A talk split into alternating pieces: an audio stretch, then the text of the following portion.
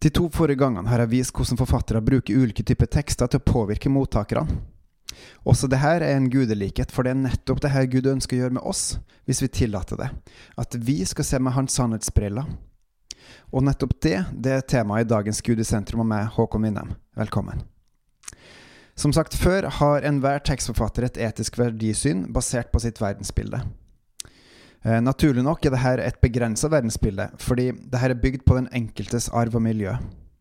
Noe er prega av medfødte egenskaper, og noe på hva han har opplevd i livet sitt. Et menneske kan altså aldri kjenne hele sannheten, bare deler av den. For å overbevise mottakerne om sitt verdensbilde bruker man da etos, patos og logos. Og Det ser man f.eks. i TV-serier og filmer, men også i aviser. Ingen er objektive, for alle er prega av den de er og det de har vært igjennom til nå. Det er derfor undervisning og oppdragelse er så viktig, for det gir mulighet for utvikling. Men ikke all forandring er til det bedre. Det kommer rett og slett an på hva det går i. Gud er vår far. Han ønsker å oppdra oss til å bli fullmodne folk, sønner og døtre av Han. Han er evig uforanderlig. Han er kjærlig og god. Han hater det onde og elsker rettferdighet. Og han elsker oss. Han vet hva som er sant, for han er sannheten.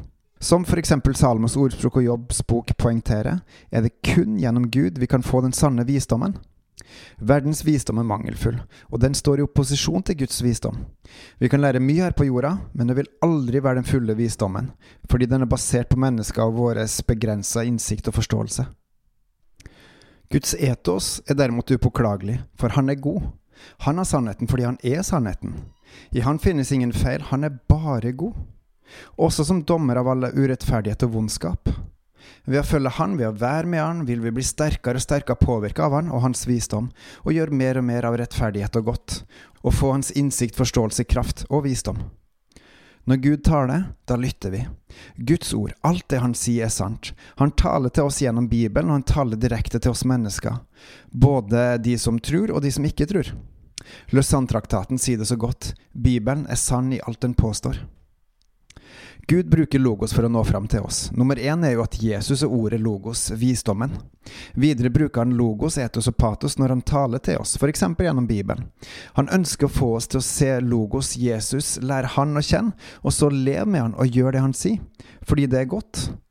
Han kunne ha skrevet enkle lister med skal, skal ikke, som de ti bud og ikke noe annet, men nei, Gud er smartere enn som så, naturligvis.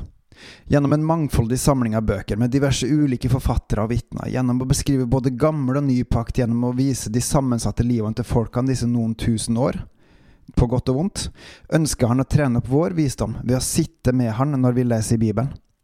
Da vil vi ikke bare se ordene i historien, men også se stadig flere lag av de universelle sannhetene som finnes her i verden, skapt av Gud.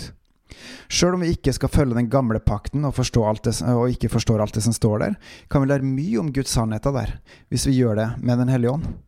Sjøl om vi mennesker både før på Jesu tid, mens han levde her, og etter, ja, også i dag, gjorde vonde ting og synda mot Gud, kan vi lære mye av uh, slik de levde, for å ikke gjøre de samme feilene i dag. Da kan vi f.eks. se på kongene i GT, vi kan se på Abraham som trodde Gud og ble kalt for Guds venn, se på Samson, David, Peter, Paulus, Noah, Bartlomeus. Ikke kopier alt det de gjorde, for de gjorde feil også, men se på deres tro på Gud og livet med og for Han. Se hvor nært og godt forhold de hadde med Gud, de som hadde, og lær av det. Der ser du også at Gud bruker etos, for både gjennom frykt og kjærlighet for Han kan man virkelig lære visdommen med stor ved å kjenne. Og så se at Gud er nær, at Han elsker hver enkelt av oss, og at hver den som tror, får oppleve Guds kjærlighet. Gud ønsker å påvirke oss, fordi det er det beste, fordi Han er sannheten. Hvem elsker du mest? Verden eller sannheten? Verden eller Gud? Der din skatt er, der vil også ditt hjerte være. Skal vi bli påvirka av Gud, må vi være med Han, daglig. Bruk bebels, f.eks. B, som da handler bl.a. om å påkalle han, eh, og involvere han i ting og tang, snakke med han og kjempe for hans rike, og tilbe han. Hver gang du tenker på han i løpet av dagen, bare si hei til han. Fortell han om dagen involverende ting som skal skje, både av utfordringer, gleder og vonde ting.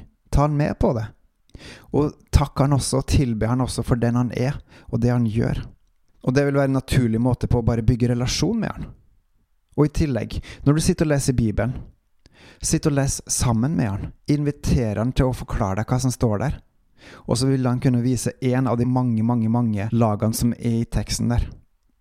Og i alt du gjør, gjør det i kjærlighet. Elsk, rett og slett. Elsk Gud, elsk dine trossøsken, og elsk andre. Bygg Guds familie, bygg Guds rike, rett og slett. Og vær med Gud, for det er bare sånn du kan bli påvirka av Han. Det er bare sånn du kan få hans sannhetsbriller, bli kjent med hans visdom, og se hvordan verden er skrudd sammen, og gjør det som er godt. På gjenhør.